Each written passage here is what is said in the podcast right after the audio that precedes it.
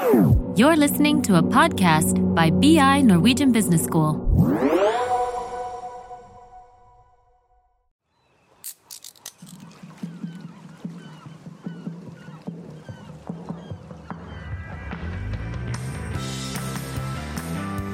Hei og velkommen til en ny episode av podkastserien Finans i fjæra. Og I dag har Geir og meg vært så heldig å få besøk av Per Kristian Høybråten, som overordnet skal snakke om organiseringen av bærekraftsfunksjoner i banksektoren.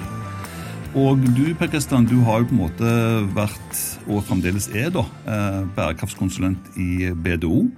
Men er òg på vei over til eh, bærekraftsansvarlig, som bærekraftsansvarlig i eh, Obos-banken. Det er korrekt. Så jeg bare lurer på om du kan bare gi oss litt kort introduksjon om deg sjøl og de, eh, de, rollene du har hatt, og hva det har innebåret? Jo, eh, først og fremst takk for at jeg eh, får komme. Veldig hyggelig å komme hit og få prate om det som opptar meg eh, aller mest i hverdagen, nemlig en bærekraftig bank. Det er bra. Eh, ja, jeg har jo jobbet i BDO nå i, i fire år som bærekraftskonsulent. Eh, har jo da vært med på en helt utrolig spennende utvikling innenfor innenfor det fagområdet som heter bærekraftig bank. da. Eh, og, og, i min tid i BDO så har jeg da også fått være med på å lage en, en uh, bransjeundersøkelse som vi gir ut uh, hvert år, nå for fjerde år nå som kommer, uh, kommer til våren. Som, som, tar for seg egentlig bare utviklingen i området for bærekraftig bank. Da. En, en, en dyptgående undersøkelse innenfor, innenfor bærekraftig bank. Ja, Den heter jo egentlig noe så enkelt som bærekraftsundersøkelsen Hvis, du, hvis man googler bærekraftsundersøkelsen BDO, så, så, får man, så, får man, opp den og kan lese den. Jeg tror du skal finne den uh, fint, ja. Mm. ja. Det har Geir og meg gjort, og det, det, var veldig informativt og bra. Ja, Vi fant den, vi. Og vi ja. fant jo masse interessant der, da. Absolutt. Ja, vi, Der så snakker vi om eh, egentlig alle de viktigste temaene innenfor bærekraftig bank, og, og, og utviklingen av de over tid. Eh, så vi prøver jo å, å, Altså vi spør jo helt konkret eh, de små og mellomstore bankene i Norge om hvordan de jobber med bærekraft, og får da resultatene ut i, i denne rapporten. Temaer som bærekraftstrategi, grønne produkter, bærekraft inn i kunderådgivningen, i risikostyringen, rapportering osv. Så hele bare veldig kort over de siste, Jeg ble helt nysgjerrig nå, så ja. jeg greier ikke å holde meg. Over de, de, fire årene dere har gjort dette nå, eh, hvordan syns du utviklingen som generelt trekk har vært? Det har vært en, en uh, rask utvikling. Uh, så vi har sett uh, fra, fra, starten av så har det, har det vært voldsom vekst i måte, modenheten til, til alle bankene, egentlig. Samtidig som vi, vi, også ser at etter hvert som temaet utvikler seg, så, så, så, er det fortsatt behov for, for videreutvikling i, i, bankene også. Så, mm. Så, selv om det har vært en eh, veldig rask vekst og modning hos bankene, så, er temaet kanskje i enda raskere vekst, eh, særlig nå de siste par årene, da, mm. med utviklingen i EU osv. Ja, altså Det som slår meg etter å ha lest denne bærekraftsundersøkelsen ganske nøye, mm. Eh, det er jo at mye av det vi finner der, tenker jeg også er interessant utover det som handler om bank. Jeg tror det er noen fellesnevnere der mm. som går fram av undersøkelsen, mm. som også sannsynligvis går fram i andre sektorer. Mm. mm. Men det kan vi heller komme litt tilbake til etter hvert. da. Ja, så Vi har jo inntrykk av, Geir og meg nå, eh, har jobba mot dette mot finans. En del sånn at eh, disse Bankene ofte er ganske proaktive og, og leder an, så de resultatene som denne undersøkelsen da typisk viser for banksektoren, kan man da si at det ligger kanskje et år og to, iallfall et hestehode, foran eh, resten av næringslivet, vil vi tro. Så Sånn sett er det viktig, sånn som jeg har vært inne på en del ganger i andre podkaster, at finanssektoren er jo ofte den som, eh, som, som, pusher og er i front, liksom. Og det er viktig. Absolutt. Ja, og litt både frivillig og ufrivillig, vil jeg si. For det, det er jo, en ting er jo det at, eh, at, banksektoren er eksponert mot bredden av næringslivet, og sånn sett må være litt i forkant for for å håndtere sin egen risiko, da særlig. Mm. Eh, men så er det jo også en tungt regulert eh, bransje. Eh, så det er veldig mange flinke fagfolk som jobber med å se på hva, hva banksektoren bør fokusere på, også innenfor bærekraft. Som gjør at de også blir pusha litt fra den siden der, da. Mm. Ja, og bankene pusher jo også kundene sine. Absolutt. Fordi de har insentiv til det. Mm. Eh, så Sånn sett så har jo bankene også en viktig utdanningsrolle da, overfor sine kunder igjen. Mm. mm. Absolutt. Ja, hva, hva, tilbake til undersøkelsen eh, som vi snakker om. Altså, hva er liksom hovedutfordringen, sånn som du ser det nå? Altså, hva, hva, hva, er det, hva, er på det positive? Hva er på en måte som er et tilbakelagt stadium som man kan si er, er på en måte på plass? av Det som bør, bør, være på plass, og hva er det på en måte som er det kan du si, mer uh, springende punktet akkurat nå? Det vi, det vi, har sett uh, som, som uh, på en måte har hatt den raskeste eh, modningen, og, og, hvor veldig mye nå er på plass, som du sier, mm. er innenfor ESG-risikovurderingene. Altså i, i, utlånsprosessen, kredittprosessen. Når, mm. når banken skal gi finansiering til sine kunder, så er det knapt nok en bank eh, igjen i landet som, som eh, ikke eh, gjør noen vurderinger tilknyttet bærekraft eh, på, på risikoområdet da, eh, mm. når, de, når, de, skal gi utlån til, til kundene sine. Mm. Eh, så dette er på en måte, det, det, ligger jo helt i kjernen av, av, hva bærekraft i bank er. altså Det viktigste er for banken. Mm. også fra, fra, et økonomisk perspektiv, som kanskje også gjør at det, mm. det ligger litt lenger framme her. Um, og der, der, er det på en måte helt, helt uh, etablert, i hvert fall uh, de første risikovurderingene er på plass. Okay.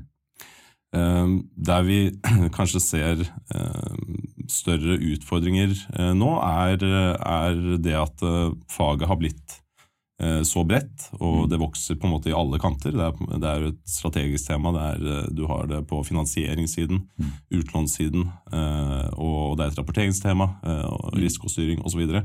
så det har blitt veldig tverrfaglig. Mm. Og det har blitt det ganske raskt, og, og, det vokser på en måte i alle disse båsene veldig kjapt. Eh, som gjør at, eh, at, eh, kompetansen er, Det er tøft å holde tritt kompetansemessig. Da. Ja, absolutt. Men hvor ligger stort sett ansvaret for bærekraft i bank? Altså Hvilke avdelinger eller personer er det som har fått tildelt dette ansvaret? Um, altså, Sånn som det er i dag, så, så er det en ganske god variasjon, egentlig, eh, i, i, hvor ansvaret i, i rollen som bærekraftsansvarlig eller eller bærekraftsansvaret generelt da, er eh, plassert. Så det, eh, det vi ser i dag, er egentlig at det kan ligge i risikostyringsfunksjonen eller hos finanssjef eller i øverste ledergruppe er det jo en del også som, som har, har, definert det der. Men det er også egne bærekraftsansvarlige og, og bærekraftskomiteer osv. Så, videre. så det er en veldig, veldig stor variasjon eh, i dag. Mm. Eh, blant de eh, første, på en måte, der det ble plassert tidligst, da, eh, kan si, er, er ofte i kommunikasjons- og markedsavdelingen. Ja, Det er jo typisk. Det, Veldig typisk. det, ser vi i andre selskaper òg. Altså det, ja. det, havner på bordet hos en eller annen i kommunikasjonsavdelingen som skal prate om dette. for å si sånn. Ja, og, og, og jeg tenker at det, det, er ikke noe galt i det, egentlig. Sånn Historisk sett så Uh, altså Særlig innenfor lokalbankene, altså sparebankene. Uh, så mm. De har jo en lang tradisjon for å, å jobbe med samfunnsansvar. Mm. Uh, og, og, samfunnsansvar er jo på en måte den tidlige eh, del, altså tidlig fase bærekraft, uh, før vi fikk bærekraft som paraply i, ja. i uh, Men det er jo fremdeles viktig. Det er jo S-en i ESG. da. Det er jo det, uh, absolutt. Så, så, men fra denne den tidlige, tidlige, fasen her da, så har, har samfunnsansvaret har vært en, en, helt sentral del av, av bankenes identitet, og naturlig da også vært noe de kommuniserer mye ut. sånn at kompetansen i i, eh, på eh, det vi da kaller bærekraft nå, eh, i, i startfasen her, satt nok mye i kommunikasjonsavdelingen. Mm. Så når, når, bærekraft da på en måte ble et etablert begrep også for næringslivet, at det skulle tas inn i organisasjonene, så, så det, har det vært naturlig å se litt til eh, kommunikasjonsavdelingene da, etter, etter, den kompetansen, rett og slett. Mm. Eh, når man skal se, se internt der først. Absolutt. og du, du, ser jo noe som er gjennomgående for når man begynner å jobbe med bærekraft, så er jo bærekraftsbegrepet ja, altså, Det er mange som mener at det, er liksom veldig løst uh, definert hva det egentlig er. og Så har man fått disse bærekraftsmålene og så har man fått et ESG-begrep e som gjør at måte man har fått noen sånn verktøy og noen styringsparametere osv. Men ble man blir jo fort veldig overvelda av uh, som du sier, det blir veldig tverrfaglig. Man ser at det egentlig inngår i nesten alt av virksomheten.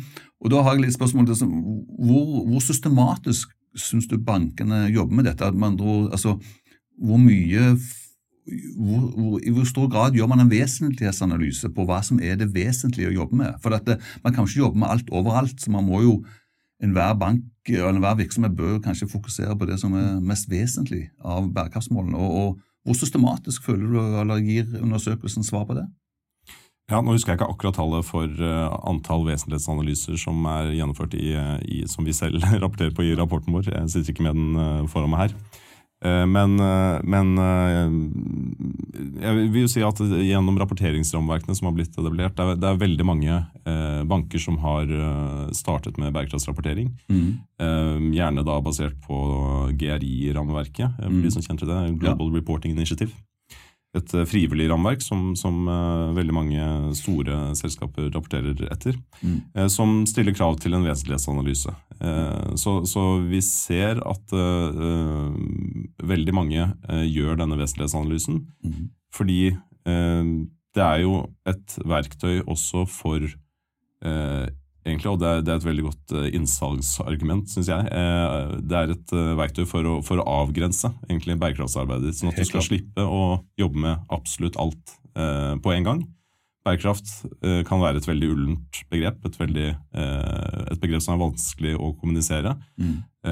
men, men når du har en vesentlighetsanalyse og får fokusert det rundt temaene som er viktigst for din virksomhet eller for din bank, Eh, så, så, så, blir det egentlig lettere å jobbe med bærekraft. Mm. Men Har du noe inntrykk av hvor eh, denne vesenhetsanalysen kommer fra organisasjonen? Er det noen få utvalgte? Er det godt forankra i hele organisasjonen eller hele banken? Eh, eller er det eksterne rådgivningsselskaper som BDO som kommer med forslag? Altså, hvordan, altså, det, det, det, er jo interessant å vite hvor denne vesentlighetsanalysen kommer fra, for den, den blir jo veldig førende for eh, arbeidet og hva som er viktig, og, og jo, blir jo også da viktig for identiteten til banken. Eh, så man skulle ønske liksom at den var gjennomsyra overalt, men, men, har du noen inntrykk av hvor, hvor dette arbeidet sitter? Ja, altså eh, Jeg kan starte med å si at vi, eh, hvis du kommer fra en ekstern konsulent eh, som BDO, eller når vi er der inne, så, så, så så involverer vi eh, veldig tverrfaglig. Eh, for eh, dette skal dekke hele organisasjonen og alle fagområdene som, som inngår der. Så vi ønsker jo å eh, involvere både eh, ulike avdelingsledere, altså på PM, og, altså personmarked og bedriftsmarked og, og ledergruppe eh, bør være representert. men også innspillene fra, fra de ansatte som en viktig interessent. Mm. Eh, så, så, anbefalingen er jo absolutt å, å involvere veldig tverrfaglig. Eh, fordi eh, det kommer til å, altså resultatene av vesentlighetsanalysen kommer til å få konsekvenser for alle disse delene av banken da, i, i, i andre omgang.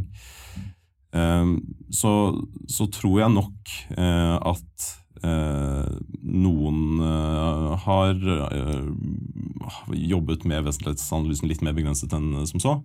Fordi, og, og igjen, ikke, ikke, noe kritikk herfra sånn sett, men, men veldig mange av bankene som skal ta tak i bærekraft, har veldig mange temaer å jobbe med samtidig. Særlig hvis man er en litt mindre bank med litt færre ressurser. Det er ikke alle som er som DNB, som kan ha, ha store bærekraftsmiljøer eh, som, som, egentlig er, fungerer som interne konsulenter. Så, så, det er nok eh, sånn også at noen eh, med eh, bærekraftsansvar på, knyttet på sin eh, egen rolle som kommunikasjonsmedarbeider eller, eller eh, en risikostyringsansvarlig eller lignende, eh, har måttet gjøre veldig mange aktiviteter samtidig. Da. Eh, og, da, og, da, kan nok eh, det resultere i at, eh, at eh, også vesentlighetsanalysen eh, gjøres litt kjapt i første omgang. Mm. Ikke som et veldig stort prosjekt som involverer veldig mange ansatte. Har du et inntrykk, har du greid å danne et inntrykk om, om den vesentlighetsanalysen altså, som gjøres, om den er spiss nok, altså vesentlig nok? da? Eh, for det kan jo, hvis det er veldig mange interessenter som du sier, som mener det og som mener det og så, Det er viktig på en måte at man jobber såpass lenge med denne at den blir spiss nok, da. Mm. Uh, ja. Har du et inntrykk av at det, det gjøres, eller? Det er nok eh, også et, et, utviklingsområde. Jeg tenker eh, nok de første vesentlighetsanalysene som ble gjort, ikke var spesielt spisse. Mm. Eh, men eh, det er jo også etter anbefaling fra rammeverkene noe man skal gjøre gjentatte ganger. Det er på en måte et levende dokument. Mm. Eh, også helt naturlig i og med at eh, fagområdet utvikler seg hele tiden, mm. så vil nødvendigvis også de vesentlige temaene for banken måtte utvikle seg. Mm. Eh, eksempelvis da eh, nå med det nye fokuset på naturmangfold, med, med ny, eh, ny FN-avtale på, på, på, det området også. Mm. Så, så, kommer det opp hele tiden sånne nye temaer da, som, som kan, må vurderes som relevante. Så jeg tenker jo at de første ventelighetsanalysene var nok mer diffuse. Mens etter hvert som man får gjort det flere ganger, og trent rett og slett, da, for det er jo det er en prosess det også, sånn mm. treningsprosess, så, så spisses det og blir bedre etten. Ja, så er det jo en bevissthet eh, rundt dette som, som også endrer seg. ikke sant? At eh, Du skal ikke så langt tilbake eh, hvor kanskje, i hvert fall her i Norge, hvor klimaet ikke sto like høyt som det gjør i dag. Så bare et par år med litt for varme sommer og litt for mye skogbranner og oversvømmelser, så, så, så, er det jo en, en, dynamikk her. da. Så Det er som du sier at dokumentet må jo være levende. fordi at eh, jeg, er bombesikker på at de fleste i dag vil sette klima eksempel, høyere eh, på vesentligheten enn det man gjorde for tre år siden. Mm. Jeg tror kanskje at en viktig, viktig, del av det arbeidet der for å få en spiss nok, er jo at man forankrer dette i toppledelsen, eh, mm. som, på en måte, som sitter da med det overordnede ansvaret for strategien osv. Så, videre. så har du et inntrykk av uh, det er jeg spent på det svaret, liksom på hvor, hvor godt forankret og hvordan er utviklingen i forankring her? Altså, er dette forankret i toppledelsen? Uh, og i ja. hvilken grad, liksom? Vi, vi, opplever jo at det i økende grad er det, men, men det viser jo også altså, denne undersøkelsen vår, som vi da gir ut dårlig tidligere nevnt, at det fortsatt er en ganske lang vei igjen før før eh, det er tilstrekkelig forankra i ledelsen. Mm. Eh, og jeg tror det får, eh, får, en del negative konsekvenser for de som sitter med, med ansvaret for bærekraft i organisasjonen også. At det, det, det gjør det veldig mye mer krevende å, å sørge for god, god, utvikling av eksempelvis altså type vesentlighetsanalysen. Få den mm. spissa nok Eh, hvis du skal sitte med en bærekraftstrategi, så bør det jo definitivt være forankra i ledelsen, for de skal jo styre med denne. Mm. Eh, men også, også, et type spesifikt tema som ESG-risikovurderinger, som banken skal gjøre både på kreditt, marked, likviditet osv. etter forventninger fra, fra tilsynet. Eh, så er jo risiko definitivt også et tema som, som ledelsen bør ha et helt bevisst forhold til også når det gjelder bærekraft. Helt klart. Ja, det var ganske interessant, for jeg slo opp her i, i deres egen bærekraftsundersøkelse. og det, det er jo påfallende liten andel hvor ansvaret for bærekraft eh, ligger hos ledelsen. Mm. Og, og, hvordan kan det være mulig? Ja, jeg, det er jo det er et veldig godt spørsmål. Eh, og så tror jeg også det kan eh, ha litt igjen med, med bakgrunnen for eh, altså for utviklingen av denne rollen som bærekraftsansvarlig og, og ansvaret for bærekraft som, som kommer fra eh, ofte da i starten kommunikasjons, eh, kommunikasjonsavdelinger. Um, altså, eh, I startfasen, eh, når en skulle sette bærekraftig system i bankene, så, så handla det veldig mye om å på en måte putte det man allerede gjør innenfor samfunnsansvar og antihvitvask og antikorrupsjon, inn i, inn i, sette det i relasjon til bærekraftsmålene og bankens bidrag til FNs bærekraftsmål. Og da har det også ofte danna utgangspunktet for en type bærekraftstrategi light, da, hvor man mm. velger seg noen bærekraftsmål som man ønsker å jobbe med. Low hanging fruits, som man har ja, low hanging fruits, pålagt å jobbe en del med. ja. Absolutt. Uh, og, og, med FNs bærekraftsmål så har man på en måte fortsatt det, et mer type Det fungerer best som et eh, rammeverk og et språk for å snakke om eh, bærekraft på, på en måte. Mm. Så det ligger fortsatt ganske tett opp mot kommunikasjonsavdelingens måte å jobbe på. Mm. så jeg tror nok de første eh, bærekraftstrategiene også eh, kanskje lå mest på kommunikasjonssiden eh, i, i, bankene også. Mm. Eh, og så har det utviklingen eh, videre derfra eh, muligens gjort at, at det enda ikke har, hos en del banker som er fortsatt litt i tidlig fase, ikke har har fått den tilstrekkelige forankringen i mm. ledelsen også. Da. Ja, Jeg kan da lese ut fra undersøkelsen her at bare 41% av bankene har lagt da ansvaret for bærekraft hos ledelsen. Det, det var altså fra årets undersøkelse. Eh, eh, fra fjoråret så var det 28% bare, så det er jo for så vidt kanskje en positiv trend der. da. Ja. Men, eh, men, fortsatt så er det altså da 59% av bankene i denne undersøkelsen som ikke har lagt ansvaret for bærekraftsarbeidet hos ledelsen. Mm. Og Derfor er det kanskje heller ikke så overraskende at litt under halvparten av bankene som deltok, eh, da ikke har en egen bærekraftstrategi. Mm. Stemmer. Mm. Det var jeg overrasket over. Det var overraskende lave tall og litt, sånn, en litt negativ overraskelse, da, men på den positive siden, som du sa, hvis det gikk opp fra 28 til 41 på ett år, så får vi jo håpe på at uh, den eh, trenden uh, fortsetter. da. Mm. At Hvis man skal ekstrapolere det inn i framtiden, ikke så mange år da, til for at samtlige banker har dette forankra i toppledelsen, og mm. ikke minst da òg har en bærekraftstrategi. Mm. Jeg tror, jeg tror, det er helt uh, essensielt. Altså, at det er godt forankra. Vi, vi, har jo uh, altså Når vi snakker om bærekraftig bank, mm. uh, så snakker vi ofte om to perspektiver.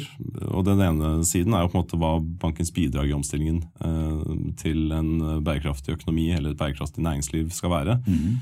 Uh, og det er, denne, det er, jo litt denne siden med samfunnsansvar og, og vårt bidrag til FNs bærekraftsmål. Kanskje mm. redusere egne utslipp og, og, um, og uh, ja, gavepolicy, sponsor, mm. uh, sponsorater osv. til den lokale fotballklubben. Mm. Men, men, den andre siden av det, som handler om hvordan banken blir påvirket av omstillingen til et bærekraftig næringsliv, er jo på en måte det virkelig store området. da. Mm. Ehm, så, og, og, det er her vi snakker om risiko, ESG-risiko. Ehm, banken er eksponert mot et, et tverrsnitt av norsk næringsliv mm. i, i, den omstillingen som vi ser i næringslivet nå, med, med sterke reguleringsendringer og et, etterspørselsendringer og, og, og, teknologisk utvikling, så har banken en vesentlig økonomisk risiko som, som går inn i kjernen av virksomheten deres. Mm. og, og og, og, dette gjør på en måte at temaet er ikke lenger et sånt uh, nice to have-tema. Det er noe, noe, som virkelig går inn i kjerne, kjernen. Da. Ja, og Noen banker jo, er jo ennå ganske, ganske kraftig eksponert mot uh, sektorer og så videre, som kanskje har spesielle bærekraftsutfordringer. Mm. Så, så ja. de, Det krever jo da en, en vesensanalyse. I, eh, i porteføljen deres osv. Mm. Og en strategi på hvordan man skal takle den risikoen og den eksponeringen. Stemmer. Eh, og det, det, vil, det, er det som er så bra med vesentlighetsanalyse også. Mm. at når du, når du, ser på, en måte på hele verdikjeden av, eh, som banken har, så, så, blir det veldig fort tydelig hvor, hvor eh, din uh, mulighet til å påvirke er, og hvor, hvor risikoen er. Og det, det, ligger jo ikke i, i en bank i egne utslipp, eget hus, for å si det sånn. Det er eksponeringen i utlånsporteføljen. Mm. Ja, jeg tror uh, at det nok skulle vært viet mer tid til vesentlighetsanalyser, uh, som også eh, ikke bare er viktig i forhold til hva, hvor man skal legge inn innsatsen, men også er med på å skape et engasjement blant kanskje gjerne et stort antall ansatte, og kanskje også mange av disse sparebankene, også omverdenen. Jeg tenker på En annen som vi har vært toucha innom, det er jo dette med kompetanse. Det er jo en kompetanseutfordring når det kommer til bærekraft, og det gjelder jo egentlig fra styret, ledelsen og helt ned til de som jobber direkte mot kunder. Mm. Og, og, Dette er jo også omfavna i eh, denne bærekraftsrapporten, og, mm. og, jeg sitter og ser litt på dette her. og, og, jo, og ser jo av resultatet, eller av svarene, at, at her, det, her, trengs det påfyll. Mm. Kan du si litt mer om dette? Ja, det, det kan jeg. Igjen, altså, så vil jeg peke tilbake på, på bakgrunnen for, for uh, altså, utviklingen av bærekraftig i bank. Mm. At uh, det kommer litt fra denne kommunikasjonssiden og litt denne innenfra ut, det innenfra-ut-perspektivet. Uh, Etter hvert som det utvida seg og ble nå de senere årene et veldig mye bredere, bredere fagområde, eh, så har man jo hatt behov for å, å ta tak, ta et lite jafs egentlig på bærekraftsarbeidet. Eh, veldig mange. Eh, I å etablere risikovurderinger, i å etablere grønne produktramverk eller obligasjonsramverk for, for finansieringen, eh, bærekraftsrapporter osv. Og det mange da har gjort, er jo da å, å, dedikere ressurser til det. Altså de som har kapasitet og ressurser til det, dedikerer en ressurs som, som skal jobbe med bærekraft, altså en, en bærekraftsansvarlig. Og disse har jo Altså ettersom dette er et ganske altså relativt sett nytt tema, så er det, er det ofte at denne bærekraftsansvarlige enten er en person fra banken som har veldig god bankkompetanse. mm. eller at man henter noen utenfra med, med veldig god bærekraftskompetanse. Eh, og kombinasjonen av veldig inngående bankkompetanse og, og sterk bærekraftskompetanse tror jeg er eh, ganske sjelden. Mm. Og som, samtidig så, så, har nok mange banker da tenkt at vi må, vi må få opp risikovurderinger, vi må få opp en bærekraftsrapport og vi må få en strategi. Mm. og de har funnet seg en bærekraftsansvarlig som, som uh, får alle disse oppgavene kasta på seg. Um, og, og, det er en fryktelig krevende uh, oppgave for en ny ressurs å, å, skulle ta tak i et så Altså bredden, hele bredden av hva bærekraftig bank betyr, da, og har blitt til. Absolutt. Um, så, så, jeg tror nok mange bærekraftsansvarlige uh, har fått veldig mange oppgaver, og har uh, sittet og opplevd selv også å sitte mye alene med disse oppgavene. Uh, det er også noe vi, vi har pratet med bærekraftsansvarlig om, om, der ute i, i, vår arbeidshverdag som konsulenter. Mm. og samtidig, da, når den bærekraftsansvarlige har fått alle disse oppgavene, så, så tenker kanskje resten av organisasjonen da har vi, da har vi fiksa bærekraft. Eh, og, og, man tenker at bærekraft er på en måte et litt sånn sidetema for bank, som man skal gjøre i tillegg til alle andre oppgaver. på en måte. Mm.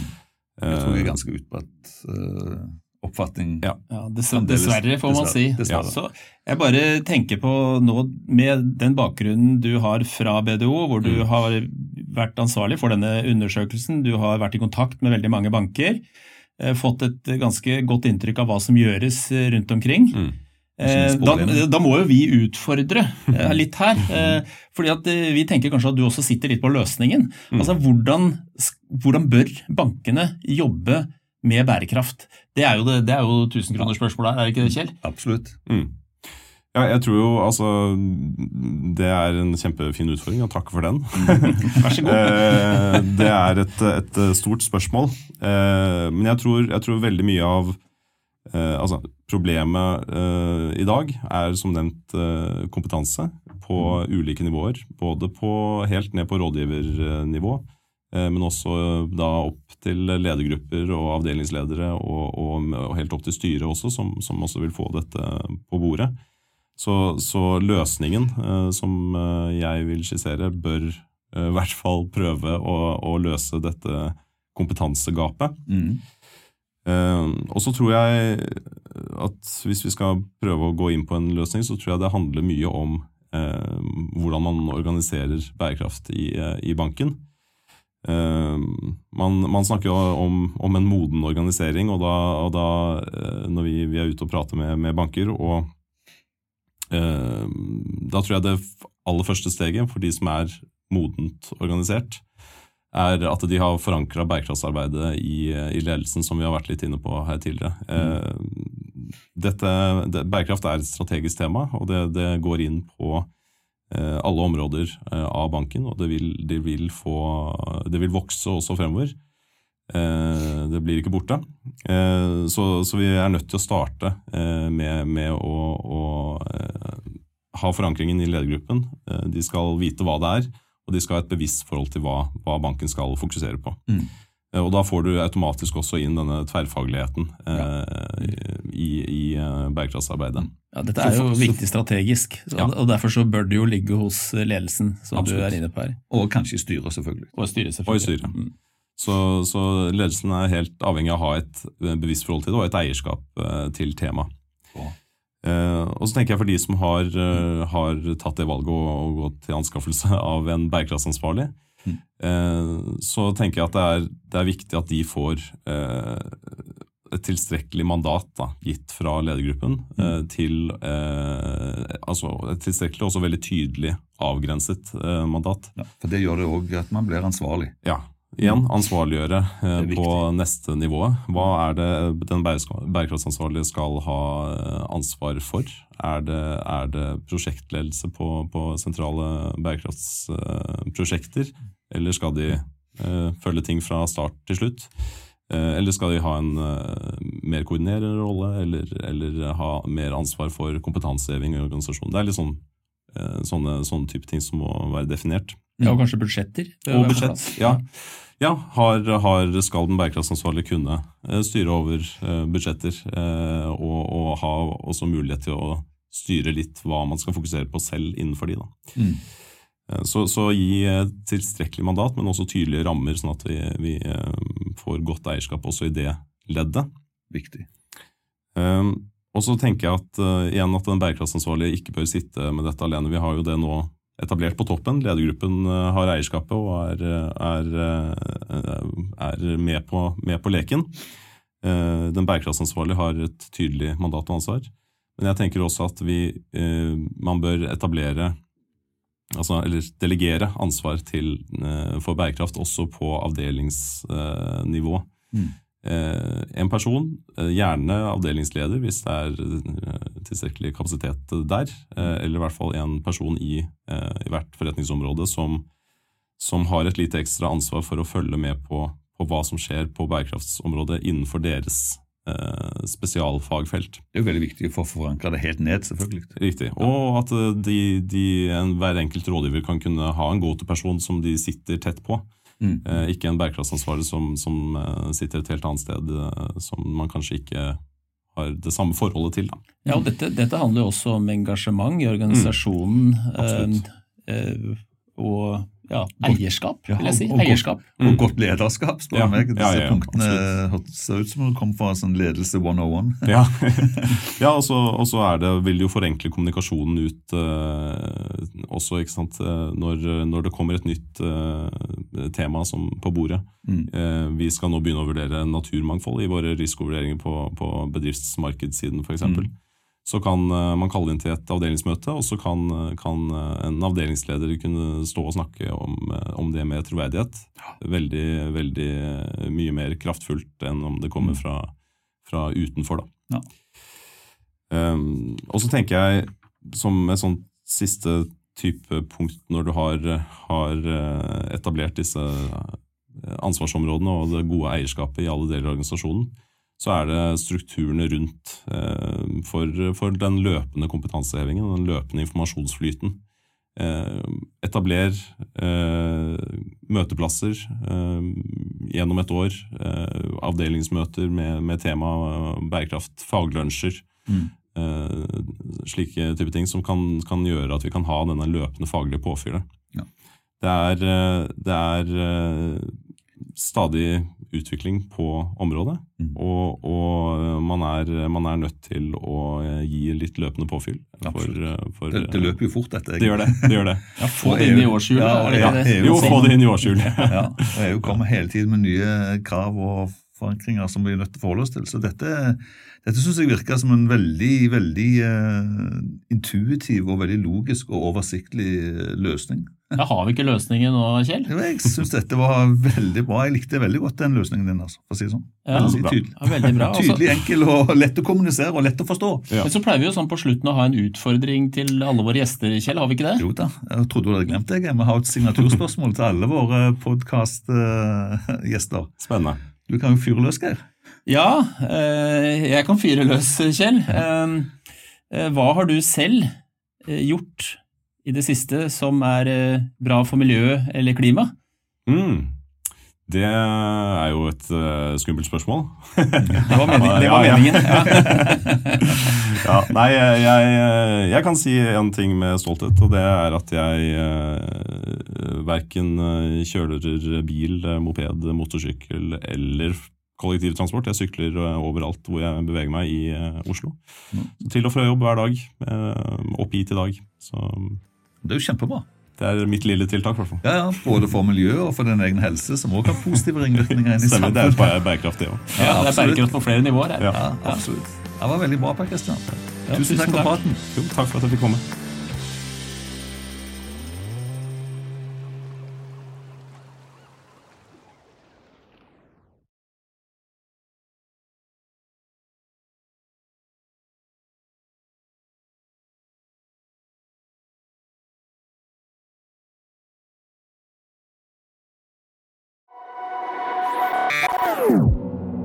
A BI production. Listen to more podcasts. Go to bi.no slash podcasts.